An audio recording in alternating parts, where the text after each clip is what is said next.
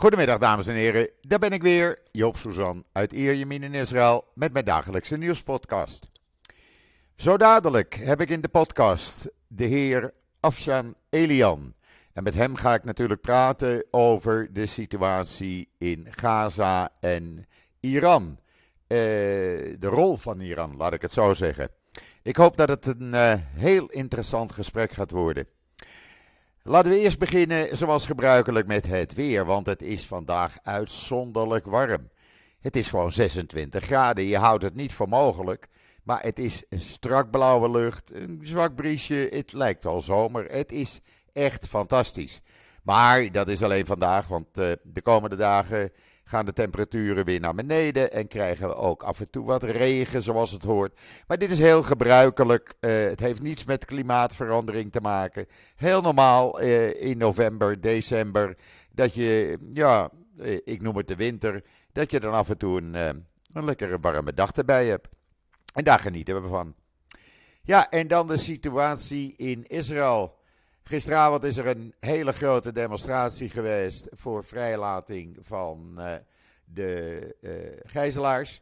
Uh, er waren tienduizenden mensen en het uitzonderlijke was dat daar ook gesproken werd, live, maar ook op video, door mensen die, vrouwen die net vrij zijn gelaten en die een oproep deden aan de regering om toch alles in het werk te stellen om de laatste gijzelaars vrij te krijgen.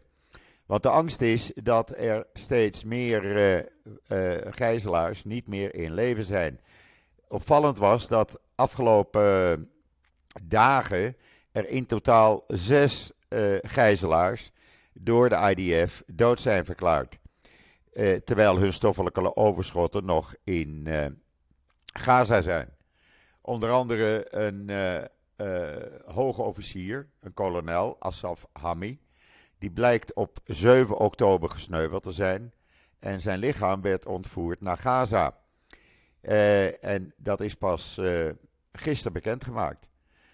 je kan dat allemaal lezen natuurlijk in israelnieuws.nl. er zijn ook vijf burgers doodverklaard. En hun stoffelijke overschotten zijn ook nog in Gaza. Heel raar eigenlijk. En ik verwacht dat er vanmiddag weer uh, aankondigingen komen van uh, gijzelaars die gesneuveld zijn. Het, is, uh, het valt wel op, laat ik het zo zeggen. In ieder geval, de gevechten zijn de afgelopen nacht doorgegaan. Er zijn een aantal wapendepots vernietigd. er zijn terroristen gedood. Uh, die films uh, kan je allemaal zien op social media, daar heb ik ze geplaatst. Uh, er zijn ook twee soldaten overleden. Eentje was al gewond geraakt in november, 14 november. maar die is nu overleden. En een ander is gisteren overleden. Ja, dat is het trieste met het voortgaan van de oorlog. Uh, jonge mensen, hun levens zijn vernietigd, zij zijn overleden. En ja, dat valt altijd, uh, valt altijd zwaar, laat ik het zo zeggen. Dan was het opvallend dat gisteren zowel premier Netanyahu als minister van Defensie Joaf Galant, in tegenstelling tot de afgelopen weken, niet gezamenlijk een persconferentie hielden. Opvallende was dat ongeveer op hetzelfde tijdstip, zo rond 8 uur, kwart over 8, hielden uh, premier Netanyahu en minister uh, van Defensie Galant ieder afzonderlijk een, een, persconferentie. Dat viel wel op, dat viel iedereen op eigenlijk, want het betekent dat er behoorlijk wat oneenigheid binnen de regering is. dat kon je al de laatste weken zien tijdens die gezamenlijke persconferenties. Uh, waar dan ook uh, uh, minister Gans bij aanwezig was. Na afloop schudden Galant en Gans elkaar de hand en liepen Netanyahu voorbij. Het, het zit niet helemaal kosher, laat ik het zo noemen. hoe dat verder gaat, of dat nog duidelijker gaat worden, ik weet het niet. In ieder geval, Galant zei: we gaan verder waar we gebleven zijn. En we gaan in alle hevigheid door met deze oorlog. Netanyahu die had het dan ook uh, eigenlijk hetzelfde: dat alles op alles zal worden gezet totdat alle doelen zijn bereikt. Gisteren heeft Netanyahu het Mossad-team, wat aan het onderhandelen was in Qatar, teruggeroepen. Want, zei hij, we zijn een doodlopende weg ingeslagen. Er komen geen eh, resultaten en dan heeft het geen zin om verder te blijven praten met Hamas in Qatar. Dus dat team is terug. Dat betekent dat er geen eh, onderhandelingen meer gaande zijn. Uh, ja, hoe dat verder moet, ik zou het niet weten. Wat ik wel weet, is dat we nu gaan praten met Afshan Elian. Dus een ogenblikje geduld, alsjeblieft. Nou, het is weer gelukt, dames en heren. De techniek staat toch voor niks. Ik heb aan de andere kant van de lijn de heer Afshan Elian. Goedemiddag. Uh, goedemiddag, hallo. Uh, ik wou het met u hebben over de situatie met betrekking uh, de rol van Iran, met betrekking tot de oorlog met Gaza, met Hamas. En de rol van Hezbollah in dit hele spel. want dat ja, de rol van Iran is niet uit te vlakken, geloof ik. Nee.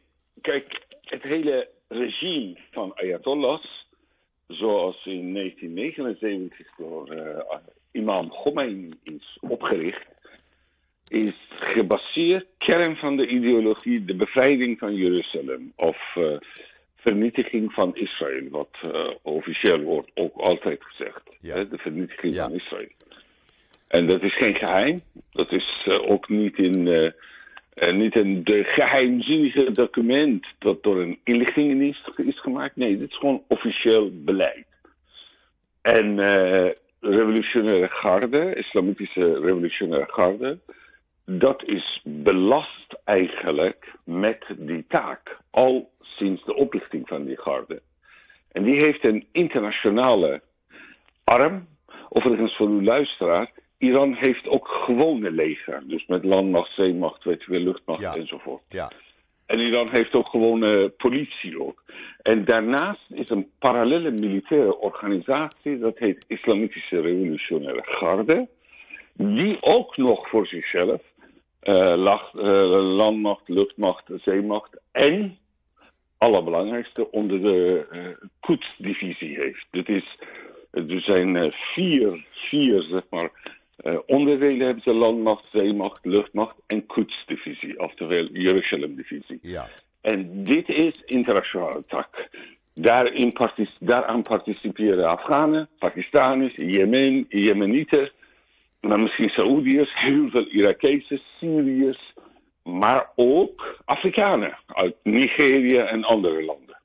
Dit is grootste multinational, militaire multinational. Ja, dat kan je wel zeggen. Sinds de, Sinds de uh, opheffing of vernietiging van Nazi-Duitsland is geen enkele land op aarde geweest die zo'n parallele organisatie had um, met al die onderdelen. Dat is heel belangrijk om dat te begrijpen. Ja. Nou, als je teruggaat naar, naar, naar wat, waarvoor ze op aarde zijn, ze hebben één doel en uh, dat is Israël moet weg. En dat is ook heel slim bedacht, want uiteindelijk gaat het om westerse cultuur te verwijderen uit het Midden-Oosten. En als je Israël verwijdert, dan komt zo'n jihadistische enthousiasme bovendrijven, dat eigenlijk Midden-Oosten kun je langzamerhand van westerse waarden, culturele, juridische, politieke waarden vrijwaren, vrijmaken. Ja. Nou, dat, dat is gewoon officiële beleid. Dus daarvoor hoef je helemaal niet naar geheime documenten te zoeken. Israël moet weg.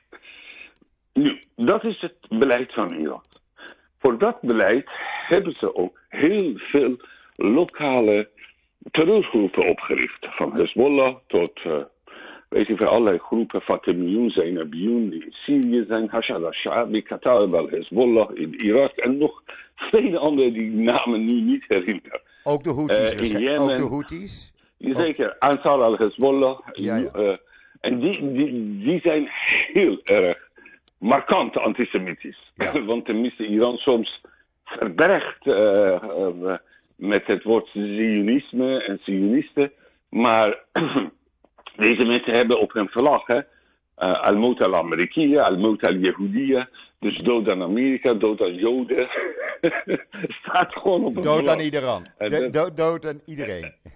Eigenlijk. Dood aan iedereen, ja. Ja, ja, dood ja. aan iedereen.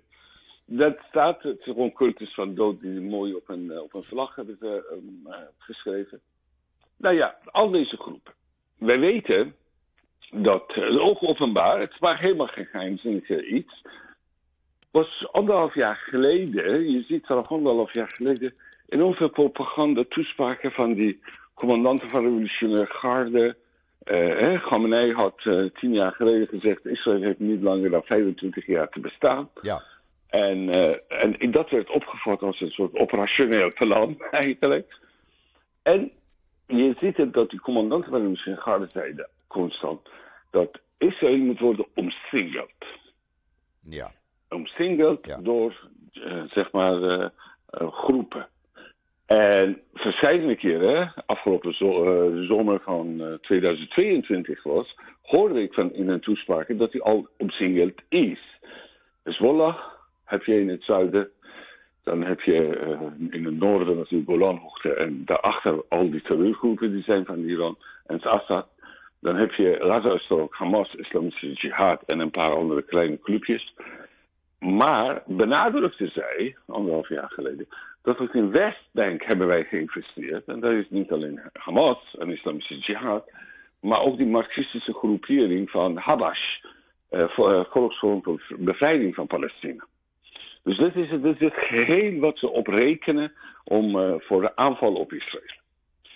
En ze hebben ook heel erg geïnvesteerd in Hamas.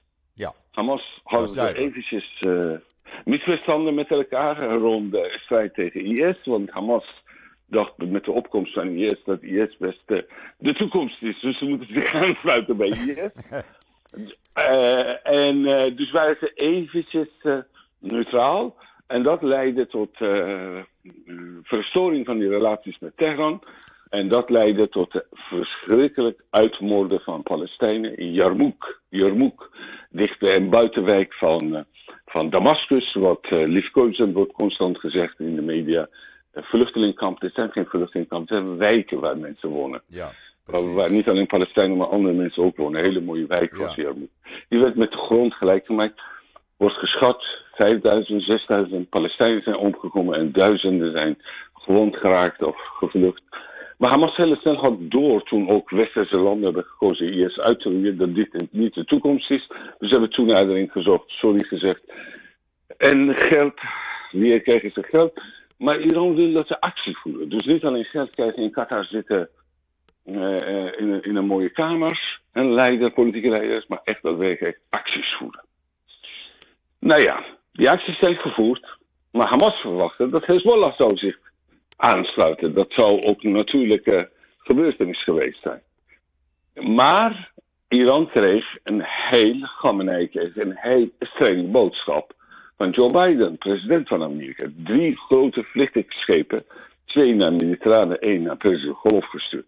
Vuurkracht die, die deze drie bij elkaar hebben, niet alleen Iran, maar hele Midden-Oosten kunnen ze naar stenen tijdperken sturen. Ja. En dat weet iedereen. En Rusland kan niks doen. In ieder geval voor Iran niet.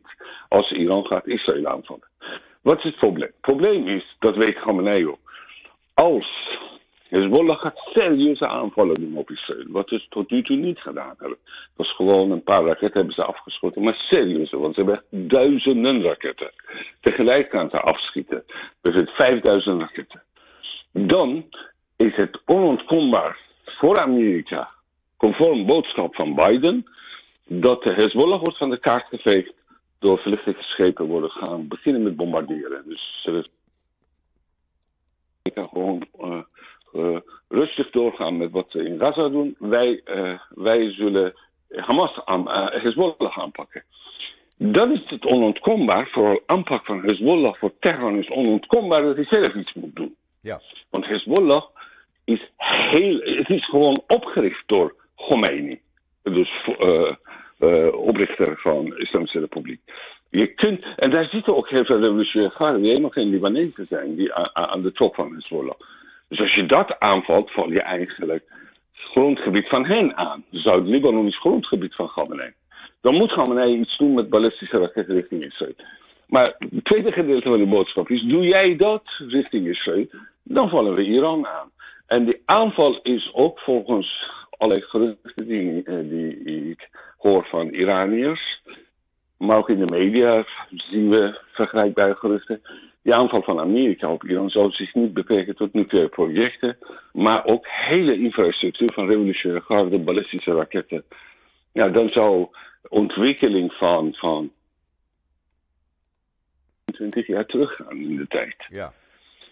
Dan is slotgammenij gewoon een belangafweging. Ja, de despoten maken ook een belangafweging. En hun belangafweging is heel simpel. Moet ik existentie van het regime op het moment dat de meerderheid van de bevolking ook hekel heeft aan mij? Job, moet je opletten. Ja. In het Westen waren meer pro-Hamas en pro-Palestina demonstratie in Londen, Parijs, Amsterdam, eh, New York dan in Iran. Ja. Ze waren niet in staat een grote demonstratie te organiseren. Laat je niet misleiden met die Photoshop en zo. Wij weten het. Dissidenten uit Iran weten het exact. Wij bellen in naar mensen in Iran.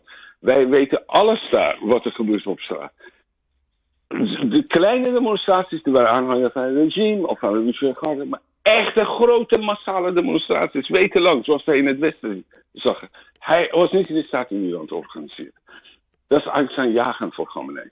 Ja. Dan denkt hij bij zichzelf: oh, wacht, als zij gaan mij zo vernietigen, mijn hele revolutionaire garde, infrastructuur. En als het volk gaat ook demonstreren en protesteren, omdat hij ziet dat ik weer zwart ben, dan is het einde van het regime. Dus we hebben gekozen voor het behoud van het regime. Wel een waarschuwing, altijd. Jij bent nu in het Midden-Oosten, je weet dat het Midden-Oosten ook irrationeel is. Wel een waarschuwing. Ja. Dit is een rationele afweging. Het kan zo zijn dat hij op een ochtend wakker wordt en gaat hij een irrationele afweging maken. Dan vallen ze iedereen aan die ze willen aanvallen. Want bij een irrationele afweging ja, ga je natuurlijk uh, grootste oliebedrijf op aarde van Saudi-Arabië aanvallen. Kijk, nu is het koude winter hebben wij hier. Dat is natuurlijk dodelijk voor ons, voor China, voor iedereen. Als uh, Armaco en andere bedrijven niet meer kunnen olie of gas exporteren. Denk aan Qatar ook. Dus daar heeft hij middelen in het Westen enorm onder druk zetten. Maar dat is heel irrationeel, want die middelen gaan niet werken. Als je zoiets doet, dan is het uh, bijna onontkombaar. Zelfs Chinezen zouden minister als je hier dan iets aan doet. Maar is dat de reden, om, om u in de reden te vallen, is dat de reden dat Amerika nu een van die vliegdekschepen 100 kilometer voor de kust van uh, Iran heeft liggen? Ja, dat was de reden. Ja, ja. Van twee kanten. Hè. Je hebt één is het Mediterrane, dat is echt voor, niet alleen voor Hezbollah, vandaar kunnen ze ook cruiseraketten afvoeren op Iran. Ja. Maar goed, Hezbollah ook. Maar eentje ziet ook zo'n gigantische drijvende stad, is zo'n uh, vliegdekschip. Ja, Dit precies. is nu, nu niet ver, 100 kilometer ver van de kusten van Iran. Zeker. En die blijven totdat de operatie van Israël in Gaza-strook voorbij is. Ze blijven zeker daar. Aha. Dat, dat is ook uh, gezegd door het White House. Ze gaan niet morgen of overmorgen weg. En ze stabiliseren in feite dus de angst dat ook in Europa was, dat het een grote regionale oorlog wordt. Ja, hoe je bent of keert, moet je compliment geven aan de administratie van uh, president Biden. Die hebben het gestabiliseerd op dit moment. Er gaat op dit moment geen regionale oorlog gevoerd worden. Dus die, die, niet door die, Iran, niet door anderen. die raketten van de, de Houthis, dat is alleen maar een speldenprik, eigenlijk. Dit is alleen maar een spelprik. Overigens, dat was test voor Khamenei. Gaat Amerika, want ook zonder de vliegtuigschip hadden ze al andere schepen daar in uh, Perzische Golf. Ja. En toen waren andere schepen daar. Gaat Amerika dat tegenhouden of niet? Nou, dat hebben ze meteen gedaan, Amerikanen. Dat, dat is ook belangrijk. Hè? Je moet niet zeggen, ik ben hier te stabiliseren. Je moet daadwerkelijk bereid zijn ook iets te doen militair, tegen te houden. En dat hebben ze gedaan. Ja, ja. Acht, negen raketten op een dag werden ze afgevoerd. Allemaal werden ze neergehaald door Amerikaanse mariniers. Dus ze hebben helemaal niet kunnen Israël bereiken. Zelfs ze konden niet uh, boven, boven de zee verder komen. Ze zijn door Amerikanen tegengehouden. En voor de eerste keer in de geschiedenis van Israël, voor zover ik weet, ze hebben nooit Jemen gebombardeerd. Maar voor de eerste keer, twee dagen geleden, Jemen is door Israëlse luchtmacht gebombardeerd. Ja. Opslagplaats Een van wapen, wapenopslagplaats. Ja. Ja, dat is natuurlijk allemaal geld van arme Iraniërs die daar naartoe gingen. Ja. En uh, dat is gebombardeerd. Overigens, uh, ik, ik, had het over Iraniërs. Dat is heel interessant. Dat is gedeelte van de strijd die jullie niet kunnen zien. Want dan moet je Persisch kunnen lezen. Ja. Israël al acht, negen maanden is bezig. Alle account hebben ze gemaakt voor defensie van Israël. voor uh, Israëlse staat. Allemaal in het Persisch.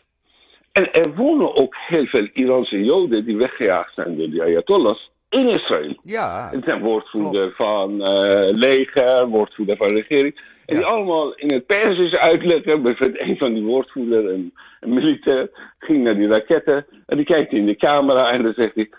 Hé, hey, mijn broeder en zuster in Iran, dit is jullie geld. Hier gaat het voor Hamas. Ja, ja. Weet je, pensionada ja. demonstreren in Teheran op dit moment. En dan zegt hij, ja, dat is jullie geld. Gaat hier. En, en, en, en God mogen weten waar de rest van geld van jullie zit. In Syrië, in uh, Jemen. ja, dit zijn, dit zijn dodelijke manieren van communiceren. Omdat iemand is van, van Iran zelf gewoon een Persisch sprekende persoon is. En Iraniërs hebben allemaal een accent. Het is een groot land met uh, verschillende etnische groepen, linguïstische groepen. Dus iedereen heeft als Perzisch spreekt een klein beetje accent. Behalve mensen die echt officiële Perzisch in Teheran spreken. Nou ja, dus dan maakt het ook niet zoveel uit dat hij een beetje accent heeft. Iedereen heeft daar een accent. Ja, precies. Dus dan, wat je krijgt is dat, dat zijn... En dat is waarheid ook. Dat is gewoon volle waarheid. Kijk, ik was heel erg boos. Ja. Toen Gamenei op 9 of 10 oktober was. Ineens uh, had hij een toespraak gehouden voor de Missiongarde uh, soldaten. En dan zegt hij, ik kus schouders en voorhoofden, armen en voorhoofden van strijders van Hamas die op 7 oktober die operatie hebben gevoerd. Ik vond me diep beledigd vanwege de taal. Want hij sprak in dezelfde taal waarin ik opgegroeid ben, namelijk Persisch. En die gaat tussen voorhoofden en armen van mensen en van mannen die vrouwen hebben verkracht. Die hebben vrouwen verminkt, die hebben kinderen gedood, die hebben arme mensen ontvoerd. Die niet, niet strijders zijn, die waren voornamelijk geen militairen. Eigenlijk, dit is, dit is verkrachting van de Persische taal. Bijna, wat hij doet. Ja, ja. Dit, dit is onge, ongekend. We hebben nooit in de geschiedenis gehad. Kijk, soms van horen zeggen hoor je wat er gebeurd is in de wereld. Deze keer zagen wij. En die beelden waren niet door Israëliërs gestuurd hè, op 7 oktober. Die waren allemaal Hamas-beelden. Die constant uh, media bereikten. Het waren beelden die Hamas zelf maakte. Op 7 oktober, alle beelden die wij hebben, Ja. van Lazarustrook, van aanval, die zijn allemaal op 7 oktober waren van Hamas zelf. We zagen gewoon dat meisje dat ze gesleurd hebben, achter een motor meenemen. Eh, Dat waren allemaal beelden van Hamas. Dus hij kon zien wat Hamas heeft gedaan. Ook op 7 oktober kon je zien wat er gebeurd is. Ja. We zagen op 7 oktober hoe die Duitse lijk van, nou, nu met wijsheid van nu weten we dat het, dat het dood was, in de auto lag, in, in een pick-up eh, eh, auto lag. En werd eh, besmuurd, bespuugd Ja. door Hamas' strijders. ja, dat zijn vreselijke En dat is, dat is verkrachting van de taal. Kijk, deze keer kun je dus niet zeggen, misschien grote leider wist het niet. Nee, die wist het ook. Hij zag de beelden als ik zag op die dag. Die via Al Jazeera werden uitgezonden van Hamas. Die constant Hamas op 7 oktober die beelden stuurde. En dat is verkrachting van de taal. Dat is, dat is echt een hele ernstige kwestie, vind ik, voor de, voor de persen. En dat heb ik aan de orde gezet. Dat voelde ik ook bij heel veel andere Iraniërs in en buiten Iran. Kijk, je, zelfs als je een volk steunt, prima, heb je misschien eh, etnische verwantschap of ideologische. Maar dit kun je nooit en ten nimmer steunen. De, de, deze strijd van Hamas kun je nooit steunen. En als je dat doet, ben je medeplichtig op zijn minst aan het financieren, trainen en retorische steunen van deze mensen. Ja. Dat is ongeveer stand van zaken, maar het, het allemaal is nog niet 100% geruststellend. Nogmaals, morgen kan een of andere Ayatollah beslissen intern dat Hezbollah toch moet betrokken worden. En dan weet ik niet wat de consequenties zouden zijn. Ja, maar als dat- ze blijven rationeel handelen zoals ze het tot nu toe hebben gedaan, nee, dan komt geen grote regionale oorlog. Maar Israël In ieder houdt geval daar, niet een oorlog waar Iran zou betrokken zijn. nee, maar Israël houdt daar Ja. wel rekening mee, want de honderdduizend mensen die eh, geëvacueerd zijn uit Noord-Israël, Ja. die kunnen nog niet Ja. terug. Die willen graag terug, Nee. maar ze mogen niet terug. Ja. Nee, Israël heeft terecht, gaat mee rekening houden. Want, nogmaals, we hebben hier niet met beschaafde la- eh, staten te maken. Nee. We hebben met, met, iemand te maken als Khamenei. Ja, Die zijn, die zijn eigen eh, dochters van zijn land gaat hij allemaal blind maken vorig jaar tijdens demonstraties met die speciale kogels afschieten op hun ogen. Ja, We hebben met, een- met een regime te maken wat Hamas heeft gedaan. Doet gewoon al 40 jaar in de gevangenissen van Iran. Vrouwen verkrachten, eh, vernederen. Eh eh, hostage diplomatie noemt het men. Gijzeldiplomatie. Andere volkeren gijzelen in feite toeristen en anderen om, eh, om te dwingen Westen om aan bepaalde eisen van Iran te voldoen. Ja, dat, dat is wat Hamas doet. Dus gewoon wat officiële beleid is 44 jaar. ja want Zou ik een militair zijn in Israël, dan zou ik zeggen: wacht, wacht. Wij hebben hier met een zeer, zeer ongeciviliseerd, barbaarse vijand te maken. Dit is geen Egypte of weet ik wel, eh, Saudi-Arabië. Dat moet je echt, eh, dat, zijn, dat zijn geen mannen op wiens woord hoef je, eh, kun je vertrouwen. Dus wij even wachten, even kijken welke kant op gaat. Ja, het kan nog andere kant op gaan, heb ik gezegd. ja, ja. En dan kun je niet het leven van honderdduizend mensen riskeren aan de grens. Nee. nee, want gisteren is naar buiten gekomen de eerste 1500 verklaringen van getuigen op wat er op 7 oktober gebeurd is. Ik heb dat ook eh, eh, weliswaar in het Engels, maar op social media gezet. En daar staat de meest verschrikkelijke details in, die, die ik niet eens eigenlijk uit mijn mond krijg, bij wijze van spreken. Dat is echt het, het ergste wat je mensen kan aandoen. Hoe mensen verminkt zijn, terwijl ze al dood Ja. waren. En ja, Ja. dat, dat, dan zeg ik dat zijn geen mensen, dat zijn barbare beesten die dat andere mensen hebben aangedaan. Dat is niet te Ja.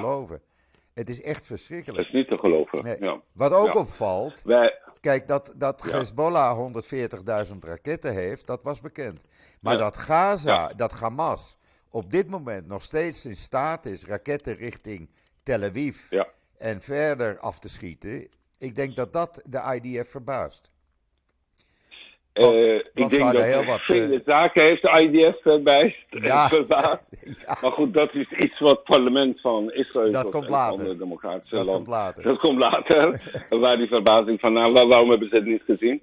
Maar ja, kijk, eh, eh, weet je wat het is? Eh, ooit had volgens mij goed Barak gezegd, toen hij premier was. Iemand loopt als een terrorist, iemand praat als een terrorist. Ja, misschien is die wellicht een terrorist. Nou, Ja. dat geldt voor Iran ook. Iemand zegt, ik ga je vernietigen. Iemand zegt, ik ga ze bewapenen. Iemand constant zegt, ze hebben mooie wapens, ze hebben dit en dat. En jij wil het niet geloven. Kijk, niet vergeten, die, die eh, journalisten die in Gaza-strook zijn. Ja. Eh, ik, ik heb een paar eh, opgezocht. Een paar van hen zijn gewoon eh, zogenaamde journalisten van die milities van Irak, zoals Qatar en Hezbollah. Die zijn gewoon in Gaza-strook. Ja, Kijk, als je een enorme infrastructuur opzet onder zogenaamd pers, nou, dan kun je al die deskundigen van de revolutionaire garde daar eens sturen. Formeel, via Egyptische grens, Ja. als journalist. ja, En die zijn daar. En eh revolutionaire garde, naar alle waarschijnlijkheid. De zij zelf altijd hebben gezegd dat we daar zijn in Gaza-strook. Fysiek zijn we aanwezig. Heel hoop van die officieren waarschijnlijk daar zijn. Technici die ze hebben hen geleerd. Hoe ze moeten de dingen bouwen. Bepaalde dingen zijn gesmokkeld. Bepaalde dingen zijn op, eh, is gebaseerd op kennis en kunde en trainingen die ze hebben gehad. Dat moet allemaal later nog eh, uitgelegd worden door Israëliërs zelf. Hoe die Hamas-lieden die die soort dingen maakten in het buitenland eh, getraind zijn, of in Gaza-strook. En hoe Iran deskundigen heeft gestuurd om hen te trainen. ja, Kijk, dit zijn niet de dingen, laten we heel eerlijk zijn, dat je zelf kunt als arme Stuber zelf bedenken. Dat, dat is onmogelijk. En als je kijkt ook naar hun propagandafilms van voor de 7 oktober. Het is een goed geoliede machine is dat uh, inlichtingentak heeft voor, voor bijvoorbeeld aanvallen op Israël. Wij weten al tien jaar, hè, het is een soort cyberwar, cyberoorlog gaande tussen Israël en Iran. En uh, regelmatig Iran dat de een of andere aanval heeft uitgevoerd op watervoorziening of andere zaken. Soms zijn ze ook waar, Israël ook er erkend. Soms misschien zijn ze niet waar of Israël wil niet erkennen. Omgekeerd ook. En natuurlijk hebben ze ontzettend veel informatie verzameld over alle estaties en Ja. dorpen van Israël. En ze hebben de dat meest, heeft alleen al Iran gedaan. ze hebben de meest Een paar moderne weken wapens. geleden toch. Ja, een paar weken geleden zijn toch. Uh, was precies een paar weken voor 7 oktober. Een paar Israëlische burgers. Eentje was alleen van Arabische afkomst. De rest waren allemaal gewoon Joden. Ja. Die veroordeeld zijn door rechtbanken voor espionage voor Iran. Ja, klopt. En dan heb ik het niet over uh, of weet ik veel Nee, andere nee, nee, nee. gebieden. Nee, gewoon in Israël. In Israël, ja. Dus het is een, het is een enorme, enorme eh, inspanning heeft Iran gepleegd om heel precies te weten waar ze zijn. Bijvoorbeeld volgens mij een schoonmaker was in het presidentiële, volgens mij, eh, verblijf, of prim- verblijf van premier, officieel verblijf van premier, die gaf informaties aan Iran door. En eh, die was dan van twee, drie jaar geleden, denk ik. Dit ook, eh, al- Ja, dat is inderdaad was. een paar jaar geleden geweest. En ook de Een laatste, de laatste twee jaar, al, de me- al die Gazanen die in Israël werkten, in die kibbutzim, die constant kaarten maakten en informatie doorgaven aan Hamas. Die wa- Ja, eh, die als je dit eh, allemaal bij elkaar neemt, Ja, als je dit, dus inlichting en inspanning van een machtige staat als Iran. Plus, waarom machtig? Niet alleen technologisch zijn machtig, maar ze hebben ook veel vrienden in de wereld. Criminele organisaties ook. ja. Niet vergeten, Iran heeft nauwe banden met georganiseerde misdaad. En die zijn Eh, ook in Europa. Die zijn ook in Europa. Ja, Mexicaanse, Mexicaanse kartels, Kenyan kartel, eh Ierse kartel. Al die enorme dus netwerk die ze hebben met georganiseerde misdaad, met eh, proxies en hun eigen technologische, technologische ontwikkelingen. Ja, maakt het mogelijk dat je veel informaties kan verzamelen. En je ziet effect daarvan op Hamas, hoe Hamas perfect wordt georganiseerd.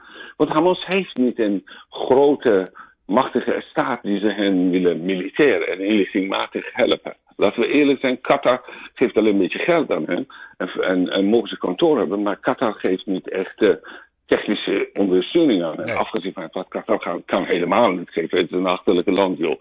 Kijk niet naar gebouwen daar, maar voor de rest verkopen ze alleen maar olie en gas. Dat land bestaat omdat de Westen beschermt de koning en dat, dat eilandje. Verder is er niks bijzonders. Nee. Dus je hebt echt een land nodig met inlichtingen, infrastructuur, met eh, technologische infrastructuur, met, eh, met, mm, niet alleen dus met geld, maar met heel veel infrastructuur. Dat is geen Qatar, dat is geen Bahrein, dat is geen Dubai, dat is geen Saudi-Arabië, dat is echt Iran. ja, ja. En eh, En het zat Eh, Iran eh, natuurlijk, dus- het, het zat Iran natuurlijk eh, eh, dwars dat Saudi-Arabië en Israël toenadering met elkaar zochten. En- ja, hele 7 oktober tot, Ja. tot de dag van vandaag gaan we ervan uit dat verschillende doelen zaten achter 7 oktober. Het meest idealistische doel van de tegenstander was: dit wordt een regionale oorlog en daardoor moesten we moeten kiezen tussen vernietigen van Israël of laten voortbestaan van Israël. Ja. Er zou een soort eindestrijd zijn. Dat was het idealistische doel. Maar het meest pragmatische eh, doel dat ze op dat moment hadden was verstoren van Abraham-akkoorden. Kijk, in december zou een verklaring komen. Dus deze maand zou een verklaring komen tussen, eh, van Saudi-Arabië en Israël. Over onderhandelingen en gesprekken. En het zou dan een, eh, zeg maar, begin van 24 dan verdere stappen gezet worden voor normalisering. ja, daar is nog En sprake van, was- hè? Er is nog sprake van. Ja, zeker. Ja, Zeker, er is nog steeds een sprake van. Het is alleen maar opgeschort formeel, maar niet eh, helemaal in de ijskast gezet. Dat is niet zo. En een onderdeel daarvan, en dat is interessant, dat is misschien het meest pijnlijke, dat westerse media geen aandacht aan besteden. Een belangrijk onderdeel wat Ben Salman heeft, heeft eh, uitonderhandeld met uh, Netanyahu en zijn mensen, is de oprichting van een Palestijnse staat. ja, Dus het is helemaal niet zo dat in Tel Aviv men denkt, weet je, die Palestijnen kunnen allemaal doodgaan en krijgen ze geen staat. Nee, een groot deel van de Israëlse bevolking wil een, een, een, een normale Palestijnse zelfbestuur. Ja. Of een staat wat je een noemt. autonome Maar staat. dat willen, Een autonome staat.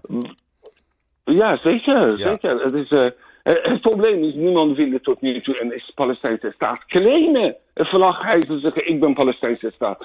Waarom willen ze niet claimen? Want als je dat claimt, moet je ook aan allerlei internationale vereisten voldoen. Dus je kunt niet meer terroristen toelaten en andere types. Daarom was het omgekeerde doel. Eerst moet Israël weg, dan hebben wij een staat. Nou, dat kan niet. Dat geldt natuurlijk niet voor PLO. PLO heeft altijd sinds Oslo-akkoorden ernaar gestreefd om, om twee statenoplossing, in ieder geval voor zover zij denken dat het mogelijk is, mogelijk maken. Israël ook. En ik denk, dus dat, dat was ergens de nachtmerrie voor Teheran. Dus de bakermaak van de islam, dat is niet Iran. Hoe Iran zichzelf heel belangrijk vindt, maar dat is niet de bakermaak van de islam. Dat is Saudi-Arabië. Dat is Mekka en Medina.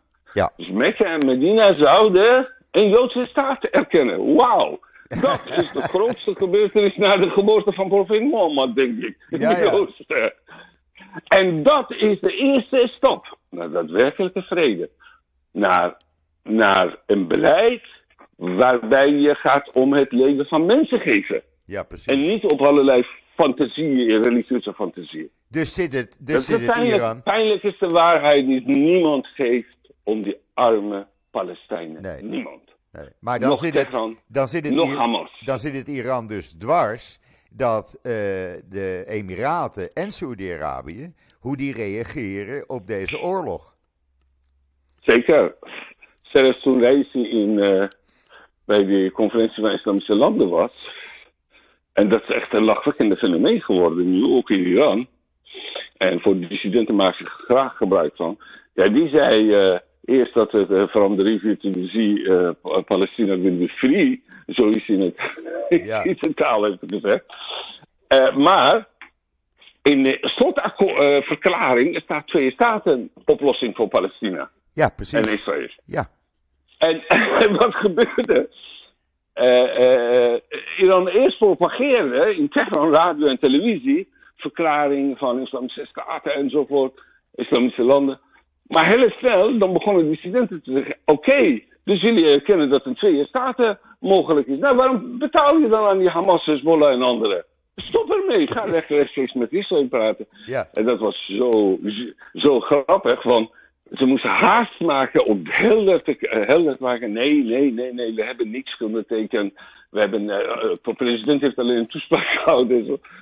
het werd, Maar het werd alleen maar dat- moeilijker. Het werd alleen maar moeilijker voor Het ze. wordt alleen maar moeilijker Ja. voor ze. Ja, ook gezien propaganda werd het moeilijker. Ja, ja, Kijk, dit zijn leuzen dat ze heel erg gaan taart in Teheran. Al sinds 2009. In 2009, op een gegeven moment demonstranten, toen was een andere golf van demonstraties. Het heette Groene Beweging tegen de uitslag van verkiezingen in 2009. Wat het echt gestolen werd van de bevolking. Eén keer hadden ze niet opgelet en konden ze niet goed eh managen de uitslag. En liep het uit de hand. En nu kunnen ze het heel goed managen overigens. Toen één keer hebben ze fout gemaakt. één keer on- onoplettend waren zij. In 2009. Dan Hossein Mousavi zou president worden. En die vent aanvaarde niet dat het zo gebeurde. En dus demonstraties en heel veel doden en gewonden zijn gevallen. Dat is verschrikkelijk, zes, zeven maanden. Nou, in die tijd, de demonstranten hadden een hele mooie leuze ontwikkeld. En Khamenei heeft op die leuze gereageerd en alle andere belangrijke mannen van het regime. De demonstranten zeiden, naar Lebanon, Jana, Gadoye, Iran. Niet voor Gaza, niet voor Libanon. Ik offer mijn leven alleen voor Iran. En dit was zo pijnlijk voor hem. ja. Khamenei noemde een perverse leuze. En die uh, Soleimani was boos. Hoe durven uh, die contra-revolutionairen, zoals zij noemen demonstranten, zulke zionistische gedachten over te nemen. Terwijl het is het meest menslievende gedachte. Ja, Ze zeggen, een precies. staat is in de eerste plaats de eigen bevolking zorgen. Je moet niet uh, constant zitten andere mensen opzetten om uh, aanzetten tot oorlog en geweld. En zorg voor je eigen bevolking in de eerste plaats. Ja. En probeer maar vreedzaam met anderen uh, dialoog voeren en, en uh, meningsverschillen oplossen of conflicten oplossen. Dat, was, dat is wat in die leuze besloten ligt. En nog steeds, ook, ook toen 7 oktober begon op de muren schrijven hier en daar zagen we in Teheran die, die leuze. En dat is echt uh, heel erg beledigend voor hem. Nou heb ik nog één laatste vraag. Want u maakte, Mhm. u maakte veel duidelijk in, in het afgelopen half uur. Maar ik heb één laatste vraag. Die demonstraties in het Westen, laat ik zeggen de demonstraties in, in, in Nederland tegen, Ja, eh, tegen Israël en voor Hamas. Worden die georganiseerd door Hamas, of eh, door Iran? Zit Iran hierachter om dit te organiseren? Of is, zie ik dat verkeerd? Eh, je moet onderscheid maken tussen Nederland en andere landen. Per land is verschillend. Wij weten dat in eh, Engeland heeft Iran een hele belangrijke rol gespeeld bij het organiseren van die demonstraties. We weten in Duitsland hebben ze gedaan. Ja. Niets voor niets. Een week geleden in Duitsland, een beroemde moskee in Hamburg, die eigenlijk rechtstreeks banden heeft met het regime, werd gewoon gesloten. Gewoon mag niet meer open. Ja, mag geen gebed daar, niks. En in Engeland, in Frankrijk trad ook Macron keihard op. Dus het, we hebben wel duidelijke aanwijzingen in Duitsland en Engeland. Iran heeft een hele belangrijke rol gespeeld. Maar in Nederland denk ik niet. Die waren gewoon lokale ja, salafisten, fundamentalisten. Maar vanwege die leus, hè? Vanwege die leus die opeens eh, eh, een hit werd in Nederland. Hè? Eh, from the river to the sea. Omdat ja, dat maar die leus wordt door velen gebruikt hoor. Ik bedoel, als je goed gaat kijken, politieke partijen zoals Denk, hè, het, eigenlijk een soort vertegenwoordiger van belangen van Turkije, denk ik, Erdogan, niet zozeer Turkije in Nederland, moslimbroeders, Ja, eh, die, die mensen in het parlement hebben geroepen. ja, Die leus wordt al heel lang gebruikt, ook door lelieblanke Nederlander, die heel erg tegen Israël zijn. Om niet te zeggen dat ze antisemiet zijn. Maar goed, daartussen zitten ook ras-antisemieten volgens mij. En die leuzen wordt ook daar gebruikt, zeker. Regelmatig. Dus eh, je moet iets anders eigenlijk vragen. Waarom antisemitisme weer zo sterk toeneemt in Europa onder het mom van antisionisme. En dit is niet mijn uitvinding. Frans Timmermans, toen hij eurocommissaris was, volgens mij tien jaar geleden, zei op televisie: Ik kan niet aanvaarden dat het alleen maar eh, kritiek is op Israël, wat velen onder het eh, onder mom van antisemiti- eh, verspreiden, is niets anders dan antis- antisemitisme. Daar had hij gelijk in. Ja, dat is de waarheid. Daar, daar had hij absoluut gelijk Ja. in. En dit is gewoon, heeft moed getoond om dit eh, aan de orde te stellen. Het is gewoon toegenomen. Je hebt extreem rechts. Je hebt ook via eh, moslimmigranten heel veel radicale moslims in Europa. Traditionele moslims, radicale moslims. En ja, dan krijg je meer van die soort bewegingen in Europa. Ja, Ooit zei uh, Frits Bolkestein 20 jaar geleden, toen een aantal eh, jonge Nederlandse Marokkanen in Amsterdam gingen voetballen met die bloemen voor eh 4 mei-herdenking. En zeiden ja, ik heb altijd gezegd, migratie onder controle krijgen, beperken, hè? migratie beperken. Kijk, als je niet beperkt, dat zijn consequenties die je nu mee wordt geconfronteerd. ja Dat is ook precies. zo. Precies. U heeft enorm veel duidelijk gemaakt, denk ik, voor de luisteraars.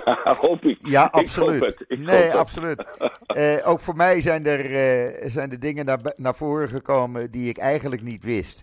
En ik ben alleen maar blij eh, dat u die uitleg heeft willen geven. En ik denk de luisteraars ook. En ja, ik wil graag een volgende keer met u verder praten hierover.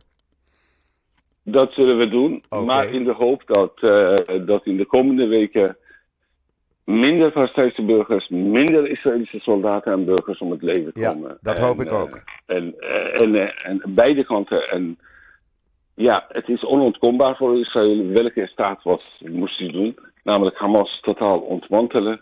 Maar Israël heeft nooit gezegd daarbij moeten miljoenen mensen omkomen. Nee. Of duizenden mensen omkomen. Nee. Dat is nooit gezegd. Ze hebben hun best gedaan. Ik hoop dat ze nog meer plannen gaan ontwikkelen voor bescherming van burgerbevolking. Hoe moeilijk het ook is hoor. Ik weet Jawel. het, hoe moeilijk het ook is. Jawel, Maar jawel. toch, eh, toch, dit moet het streven zijn. En in de hoop dat voor de kerst is dit, eh, is dit ellende afgelopen. Hamas ontmanteld is en humanitaire hulp kan gaan naar de ook gewone bevolking Ja, in Palestijnse gebieden. En Israëliërs kunnen naar hun huizen terug. Weer Precies, eh, dan kunnen we allemaal normale weer, toestand beginnen. dan kunnen we weer normaal leven. Eh, eh, ja, dat op hoop ik van harte voor beide, voor beide mensen. Ja, voor iedereen. Voor iedereen. Ik bedoel, iedereen, zowel voor Israëliërs als, als eh Gazanen. Al- al- want ook daar ja, zitten onschuldigen. Eh, laten we hopen dat het eh, spoedig tot een, tot een eind komt. En dat we van die raketbeschietingen af zijn. En dat iedereen weer op een normale wijze zijn leven kan voortzetten. Ik wil u hartelijk danken voor deze uitleg. Ik wil, ik wil u bedanken voor deze uitnodiging. En eh, tot de volgende keer. dan. Absoluut tot de volgende keer. En nog een hele fijne zondag. Hetzelfde. Dag. Oké, tot ziens. Dag, dag. Dag. Ja, dat was eh, denk ik een duidelijke uitleg voor iedereen. Eh, ik denk dat ik eh, hier verder niets aan toe te voegen heb. Dan zeg ik zoals gebruikelijk, eh, ik ben er morgen weer. En dan zeg ik tot ziens, tot morgen.